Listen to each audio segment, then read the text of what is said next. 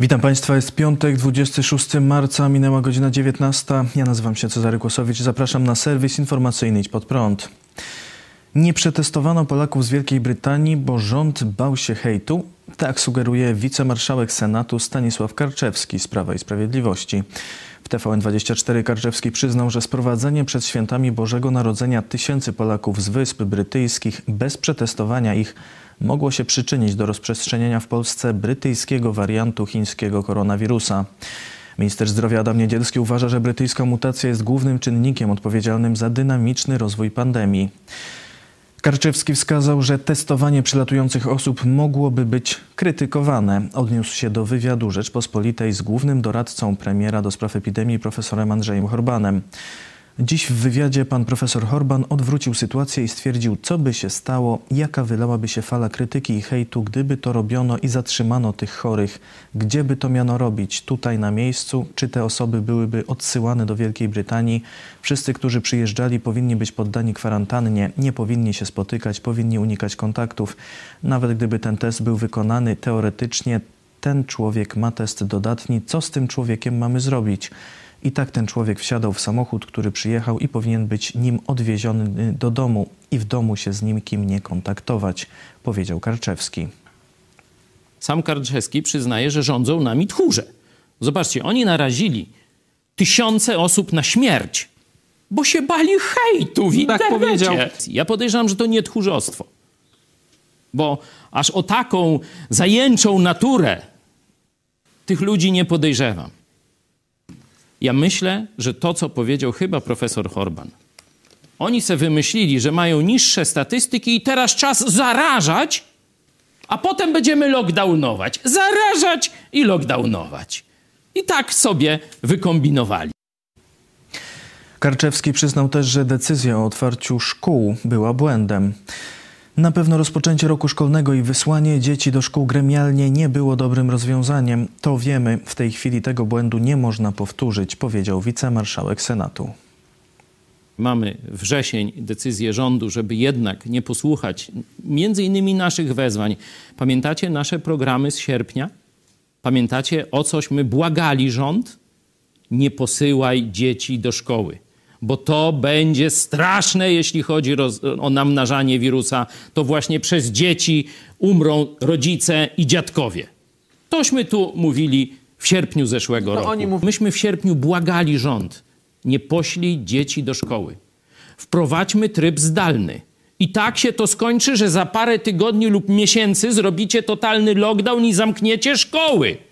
I dzieci będą raz tak, raz śmak. Raz do szkoły, raz zdalnie. Raz do szkoły, raz zdalnie. No to już całkiem schyzieją, można tak powiedzieć. Tak by było wiadomo. Całe wakacje przygotowujemy się do trybu zdalnego. Jeśli spadną zachorowania, otworzymy szkoły. A to oni nie. Otwórzmy szkoły, bo na pewno będzie dobrze. A potem 600 trupów dziennie w listopadzie. To jest wasza zbrodnia.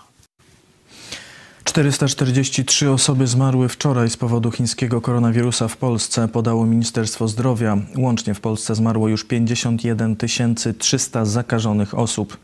Resort poinformował dziś o 35 tysiącach nowych zakażeń. To najwięcej od początku pandemii. Liczba hospitalizowanych osób zakażonych wzrosła od wczoraj o 600 i wynosi ponad 27 700. Liczba wykorzystywanych respiratorów wzrosła o 110 do poziomu 2730. W Polsce wykonano już 5,5 miliona szczepień przeciw koronawirusowi, w tym rekordowe 205 tysięcy wczoraj. Dwie dawki szczepionki przyjęło już 1 920 tysięcy osób. Stwierdzono ponad 5200 przypadków niepożądanych odczynów poszczepiennych.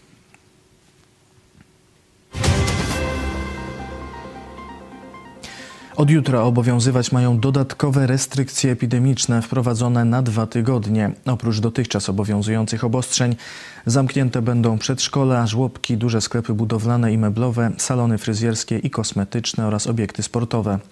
Zmniejszono liczbę osób, które mogą jednocześnie przebywać w dużych sklepach i kościołach do jednej osoby na 20 metrów kwadratowych. Minister Adam Niedzielski nie wykluczył, że nałożone zostaną dodatkowe obostrzenia na Śląsku w związku z utrzymującym się dużym przyrostem zakażeń w tym regionie. Pomimo apeli m.in. partii opozycyjnych, rząd nie zdecydował się na zamknięcie kościołów na czas Wielkanocy. Przewodniczący konferencji Episkopatu Polski arcybiskup Stanisław Gondecki zaapelował o przestrzeganie obostrzeń. W specjalnym liście napisał: w związku z rosnącą liczbą zachorowań, mając na uwadze zdrowie i życie Polaków, zwracam się z gorącym apelem do kapłanów i wiernych świeckich o skrupulatne przestrzeganie zasad bezpieczeństwa sanitarnego podczas celebracji liturgicznych. Apeluję do wszystkich o przestrzeganie aktualnego limitu uczestników zgromadzeń religijnych, o zachowywanie dystansu społecznego, zakrywanie ust i nosa oraz dezynfekcję dłoni i respektowanie zasad higieny w obiektach sakralnych. Osoby, które nie będą mogły osobiście uczestniczyć w celebracjach, proszę, aby łączyły się duchowo ze wspólnotą Kościoła poprzez modlitwę domową i transmisje medialne, napisał Gondecki. Dodał, że pozostawienie otwartych kościołów jest rzeczą niezwykle ważną. Publicysta Tomasz Terlikowski stwierdził, że rząd PiS nie zamyka kościołów, ponieważ zniechęciłby swój elektorat.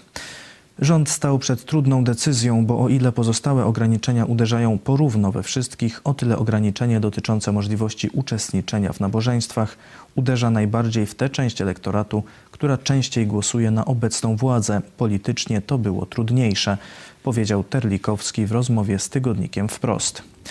Ignacy Dec, biskup senior diecezji świdnickiej w wywiadzie dla piątkowego naszego dziennika powiedział – Mamy prawo się gromadzić i oddawać Bogu chwałę, a to możliwe jest w pełni tylko w świątyniach. Dlatego mam nadzieję, że katolicy i organizacje katolickie wyjdą z oficjalnym stanowiskiem, w którym stwierdzą, że na ponowne zamykanie świątyń nie ma zgody. Wypowiedź biskupa Deca skomentował w dogrywce Idź pod prąd pastor Paweł Chojecki.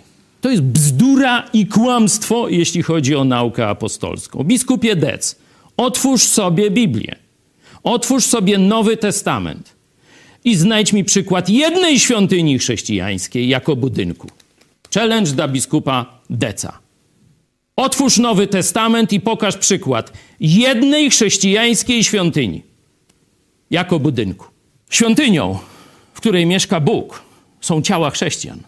I o tym mówi jasno Pismo Święte, na przykład list do Koryntian. Każdy, kto zawoła do Jezusa, kto odpowie na jego pukanie, Jezus wejdzie do jego życia, staje się świątynią Ducha Świętego. To jest jasny przekaz nauki apostolskiej. A ze świątyniami apostołowie walczyli. W pogaństwie apostoł Paweł, przemawiając do elity greckiej, mówią: Bóg nie mieszka w świątyniach ręką zbudowanych, biskupie Dec.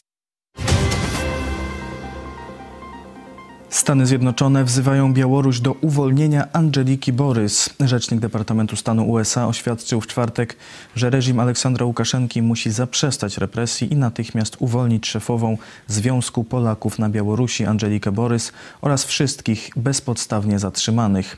Do uwolnienia Borys oraz Andrzeja Poczobuta wezwała też wczoraj Komisja Europejska. Związek Polaków na Białorusi przekazał dziś, że zatrzymani w czwartek działacze Andrzej Poczobut, Irena Biernacka i Mara Tiszkowska, a także szefowa związku Angelika Borys są w Mińsku, gdzie mają być przesłuchiwani. Angelika Borys w środę została skazana na 15 dni aresztu za organizację dorocznego jarmarku Grodzieńskie Kaziuki, który białoruski sąd uznał za nielegalne zgromadzenie. Poczobut Biernacka i Tiszkowska zostali zatrzymani przez milicję wczoraj. Jak informuje portal telewizji Bielsat, Prokuratura Generalna poinformowała w czwartek o wszczęciu sprawy karnej wobec Borys oraz innych osób, która dotyczy podżegania do nienawiści na tle narodowościowym i rehabilitacji nazizmu. Według komunikatu Prokuratury Generalnej chodzi o organizowanie w okresie od 2018 roku szeregu nielegalnych przedsięwzięć masowych z udziałem niepełnoletnich, w czasie których czczono uczestników band antysowieckich działających w czasie Wielkiej Wojny Ojczyźnianej i po jej zakończeniu. Wczoraj prezydent Andrzej Duda zapewnił, że polskie władze nie pozostawią naszych rodaków samych. Jest bezprecedensowe, że obecne władze Białorusi aresztują przedstawicieli legalnie działających polskich organizacji. Będziemy podejmowali kolejne kroki na arenie międzynarodowej. Nie zostawimy naszych rodaków samych, powiedział prezydent.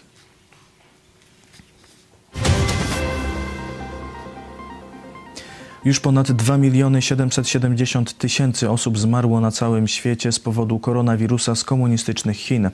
Tylko wczoraj zmarło ponad 10 tysięcy osób. Ukraina ogłosiła rekord stwierdzonych zakażeń koronawirusem ponad 18 tysięcy. Rząd Niemiec podaje, że spodziewa się wzrostu zakażeń do poziomu nawet 100 tysięcy dziennie. Minister zdrowia Niemiec Jens Spahn powiedział, że kraje związkowe powinny być gotowe na wprowadzenie dodatkowych obostrzeń. W tej chwili liczba zachorowań rośnie zbyt szybko, a warianty koronawirusa sprawiają, że sytuacja jest szczególnie niebezpieczna. Jeśli to się nie zmieni, ryzykujemy, że nasz system opieki zdrowotnej osiągnie swój punkt krytyczny w kwietniu, zaznaczył niemiecki minister zdrowia. Władze Danii podały, że do połowy kwietnia przedłużają wstrzymanie stosowania szczepionki firmy AstraZeneca. Duński rząd stwierdził, że jest to konieczne ze względu na potrzebę kolejnych badań nad skutkami ubocznymi. Tania Lund Eriksen z duńskiej agencji leków stwierdziła, Szczepionka AstraZeneca pozostaje skuteczna i bezpieczna. Nie możemy jednak wykluczyć, że istnieje związek między szczepionką a bardzo rzadkimi przypadkami niskiego poziomu płytek krwi oraz zakrzepami. Przewodniczący Rady Europejskiej Charles Michel ogłosił, że koniecznym jest, by państwa członkowskie Unii Europejskiej postarały się o zwiększenie produkcji szczepionek przeciw koronawirusowi. To absolutnie konieczne, abyśmy nadal pracowali nad poprawą produkcji szczepionek w Europie i poprawą naszych możliwości dystrybucji do państw członkowskich, powiedział podczas konferencji prasowej. Władze Paragwaju dostały ultimatum od komunistycznych Chin: albo ich kraj zerwie relacje z Tajwanem, albo nie otrzyma od Chin szczepionki przeciw koronawirusowi. Szef MSZ Paragwaju Euclides Acevedo oświadczył, że jego kraj nie zamierza ugiąć się pod presją Pekinu.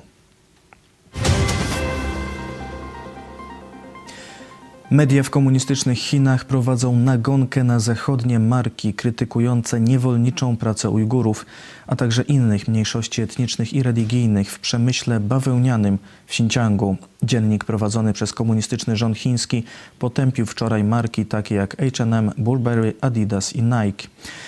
Marki te wyraziły swoje zaniepokojenie sytuacją praw człowieka w Chinach po tym, jak Unia Europejska, Stany Zjednoczone, Wielka Brytania i Kanada nałożyły sankcje na chińską instytucję państwową i urzędników powiązanych z organizowaniem pracy przymusowej na polach bawełny. Komunistyczny dziennik zaczął w chińskich mediach społecznościowych promować hasło: Nie pozwolimy, by zagraniczne firmy jadły chiński ryż, ale rozbijały chińską miskę. W wyniku negatywnej kampanii chińscy internauci zaczęli nawoływać do bojkotu marek, a wielu celebrytów ogłosiło zerwanie z nimi współpracy. Rząd chiński prześladuje Ujgurów nie tylko na terenie Chin. W środę Facebook ogłosił, że zablokował aktywność grupy chińskich hakerów, którzy za pośrednictwem portalu próbowali śledzić Ujgurów przebywających poza Chinami. Facebook w komunikacie stwierdził, że hakerzy tworzyli fałszywe konta, by podając się za dziennikarzy czy studentów nawiązywać kontakt z Ujgurami. Ich celem byli aktywiści, dziennikarze i dysydenci ze społeczności ujgurskiej oraz innych muzułmańskich mniejszości z chińskiego regionu Xinjiang, mieszkający przede wszystkim w Turcji, Kazachstanie, Stanach Zjednoczonych, Syrii, Australii i Kanadzie, czytamy w komunikacie. Ujgurzy mieszkający w Turcji wyszli w czwartek na ulice Stambułu i Ankary, by protestować przeciw spotkaniu tureckich władz z chińskim ministrem spraw zagranicznych Wang Yi. W protestach udział wzięło około tysiąca osób. Uczestnicy skandowali hasła takie jak Niech Chiny zaprzestaną ludobójstwa oraz faszystowskie Chiny zamknijcie obozy. Bransoletka zamiast myszki. Facebook pracuje nad nowym sposobem sterowania komputerami. Marcin Palimonka. Facebook pracuje nad opaskami, które mają umożliwić sterowanie komputerem za pomocą sygnałów elektrycznych generowanych przez ludzkie mięśnie. Urządzenie ma być wykorzystywane w aplikacjach wirtualnej i rozszerzonej rzeczywistości. Prototyp opasek powstaje dzięki przejęciu przez Facebooka firmy CTR Labs, która już od jakiegoś czasu zajmowała się technologią neuronowej komunikacji z komputerem. Wykorzystując sygnały neuronowe, opaska jest w stanie śledzić niektóre gesty. To właśnie za ich pomocą użytkownik ma odbywać interakcje z komputerem, a więc i ze światem wirtualnej rzeczywistości. Opaska ma dać możliwość rejestracji ludzkich ruchów i gestów, takich jak na przykład napinanie wirtualnej cięciwy łuku w grze o rozszerzonej rzeczywistości czy pisanie na wirtualnej klawiaturze. Urządzenie za pomocą silników będzie również dawać odpowiedzi zwrotne, aby użytkownik wiedział, czy dany gest został zarejestrowany.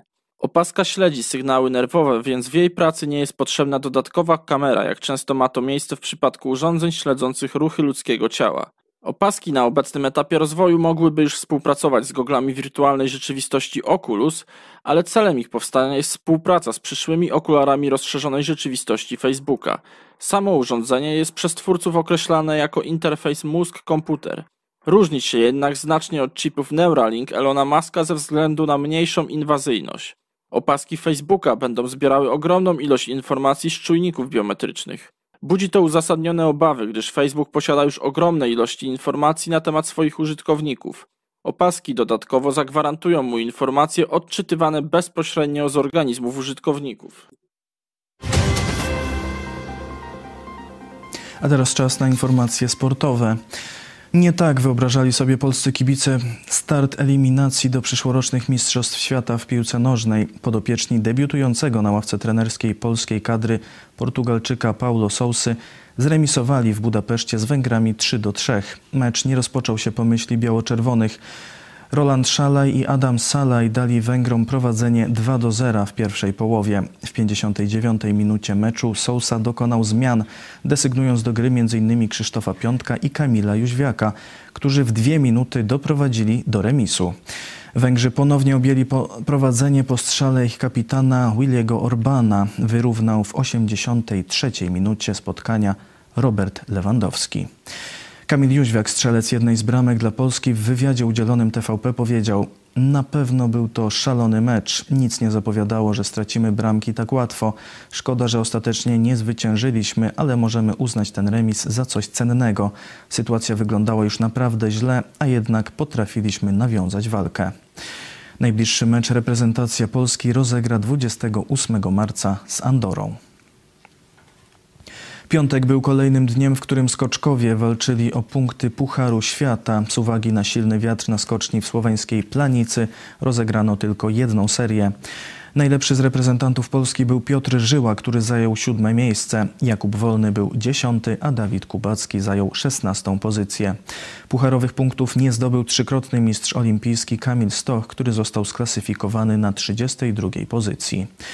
W loteryjnych warunkach najlepiej poradził sobie Niemiec Karl Geiger, który wyprzedził wczorajszego zwycięzcę Ryoyu Kobayashiego i zawodnika gospodarzy Bora Pawlowcicia. Do zakończenia sezonu pozostały dwa konkursy. Na jutro zaplanowano konkurs drużynowy, a na niedzielę konkurs indywidualny.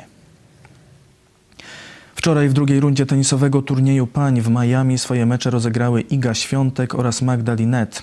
Świątek okazała się lepsza od Czeszki Barbory Krejcikowej, wygrywając 6-4-6-2. W trzeciej rundzie ubiegłoroczna triumfatorka French Open zagra z Chorwatką Aną Koniuch. Niestety do następnej rundy nie udało się awansować Magdzie Linet. Polka po walce uległa rozstawionej w turnieju z numerem 17 Brytyjce Johannie Koncie 4-6-5-7.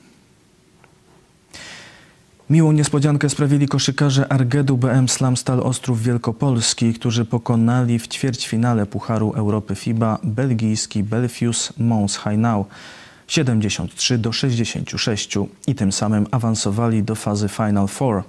Jest to obok wicemistrzostwa kraju oraz zdobytych dwóch brązowych medali największy sukces w historii polskiego klubu. Najskuteczniejszym graczem koszykarzy z Ostrowa Wielkopolskiego był Amerykanin James Florence, który zdobył 16 punktów. Półfinałowym rywalem ekipy Argedu będzie rumuński CSM CSU Oradea. Finałowy turniej odbędzie się w dniach 23-25 kwietnia. To wszystko w tym wydaniu serwisu. Dziękuję Państwu za uwagę. Jest to ostatni serwis przed świętami Wielkanocy, dlatego życzę Państwu zdrowych, spokojnych, wesołych świąt i do zobaczenia po świętach.